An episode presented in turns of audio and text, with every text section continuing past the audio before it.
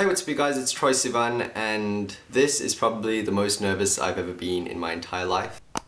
There was always forces in my life growing up where it's like, hey, be whoever you want to be, but don't do that. Uh, that's something that's not okay. But uh, be who you want to be.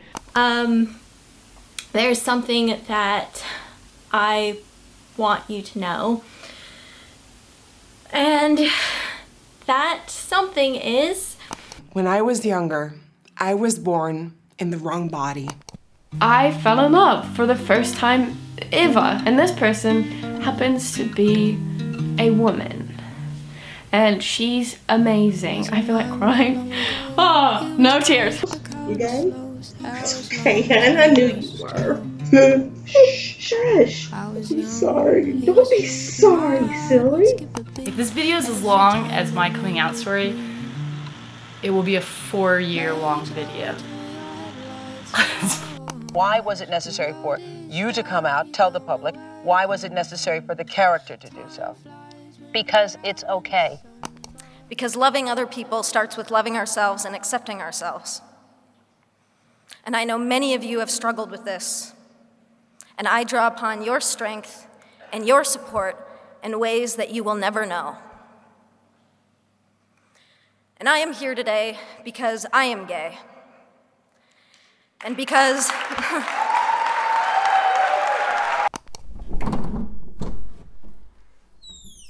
Geen idee waarom ik dit ineens buiten wil opnemen, maar ik had daar zin in. De stad slaapt. Ik ben sowieso al een nachtmens, maar ik denk dat de zoektocht naar mezelf me nog meer een nachtmens heeft gemaakt. Als ik terugdenk aan de periode van mijn 14 tot mijn 18, dan denk ik eigenlijk meteen aan nachtenlang coming-out video's bekijken. Ik denk dat ik op een gegeven moment echt bijna elke coming-out video op het hele internet gezien had. En ik ben ervan overtuigd dat YouTube en social media in het algemeen echt gewoon therapie kunnen zijn.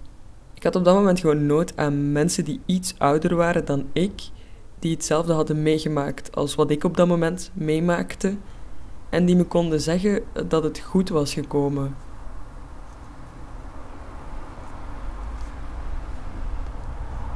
Ik heb echt avonden zo met mijn laptopje zo. En dan had ik mijn kussen, zo mijn hoofdkussen erbij liggen. En dan kon ik als mijn ouders binnenkomen heel snel mijn laptop dichtklappen en mijn hoofdkussen. Oh, ik heb dat zo vaak gedaan. Dan was ik die L-woord aan het kijken en dan hoorde ik mijn moeder op de gang. En dan deed ik snel mijn laptop dicht. Bij elk geluid dat ik hoorde, inderdaad. Ook gewoon die angst dat als ze zouden zien dat je daar aan het kijken bent, dat die direct gaan denken: jij ook dan, want jij kijkt naar iets met lesbische mensen. Ja, precies dat, ja. In 2017 kwam ik op YouTube de video tegen van Mout en Valerie, die hun idee pitchten om een Nederlandse webserie te gaan draaien. Anne Plus zou die heten. En het hoofdpersonage zou toevallig lesbisch zijn. Maar het zou niet de hoofdzaak zijn.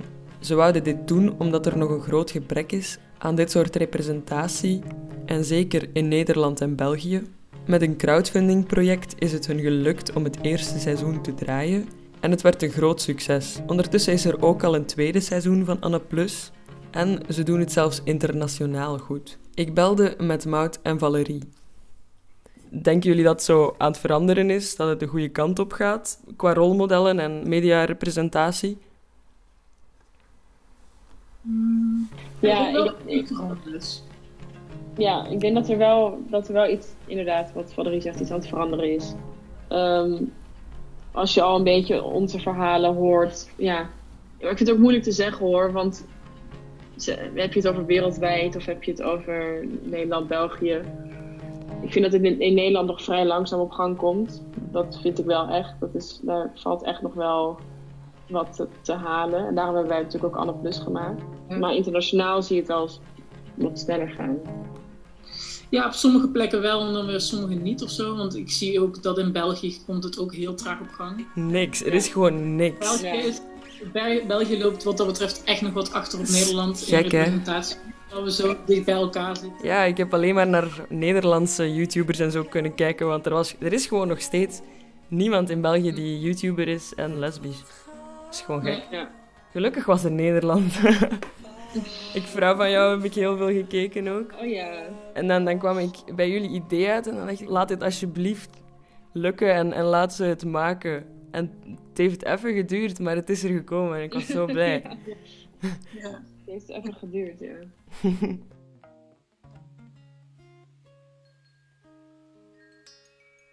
Het doel van Anne Plus. Ja. Hoe zou je dat beschrijven? Normaliseren van homoseksualiteit en een breder perspectief geven in soorten geaardheden eigenlijk. Ik denk een, een, een positief beeld geven van uh, queer personages in films en series. Mm -hmm. En in dit ja. geval ook in deze serie. En ook zo het ding dat het zo niet gedramatiseerd wordt. Dat het niet altijd een drama moet zijn en zo. Dat vind ik ook super mooi. Ja, daarom, ja. We wilden heel graag positieve representatie en positieve verhalen laten zien dat het hartstikke leuk is en kan zijn om queer te zijn. Mm -hmm. ja. ja, ik denk eindelijk inderdaad eens afrekenen met alleen maar die dramatische verhalen over queer mensen, maar laten zien inderdaad dat het, uh, dat het iets positiefs is en dat liefdesverhalen universeel zijn en niet verschillen van een hetero-relatie. Dat is even aan het grote publiek vooral ook laten zien. Dat openen eigenlijk.